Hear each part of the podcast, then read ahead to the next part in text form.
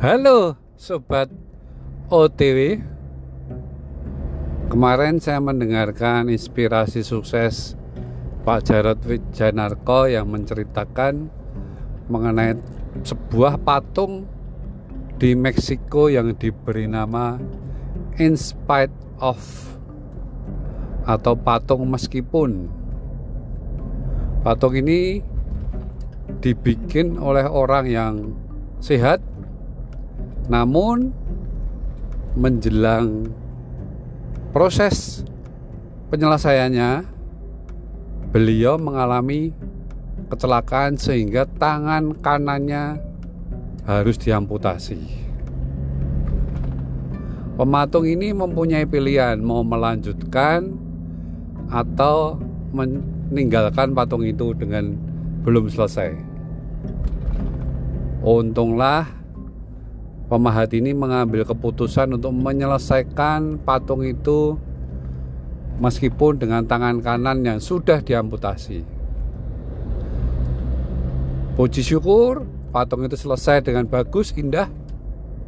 Karena itu, patung ini dikenal dengan patung in spite of atau meskipun. Nah, kisah ini menarik.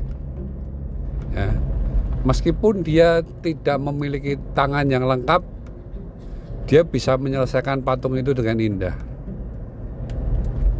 Jadi sobat OTW meskipun covid akibatnya masih terasa sekarang meskipun banyak masalah tapi jangan patah semangat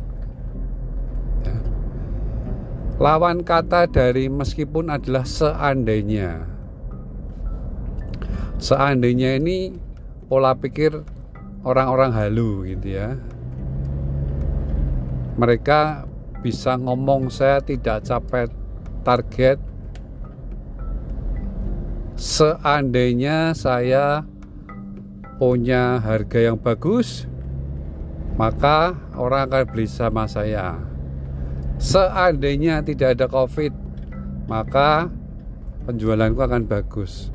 Seandainya seandainya terus itu yang justru membuat kita halu akhirnya tidak bergerak sama sekali. Ayo sobat TW pilihlah kata meskipun. Karena meskipun ini jauh lebih bermanfaat ketimbang kita berhalu dengan kalimat seandainya. Mari belajar dari kisah Inspired Out statue ini di Meksiko.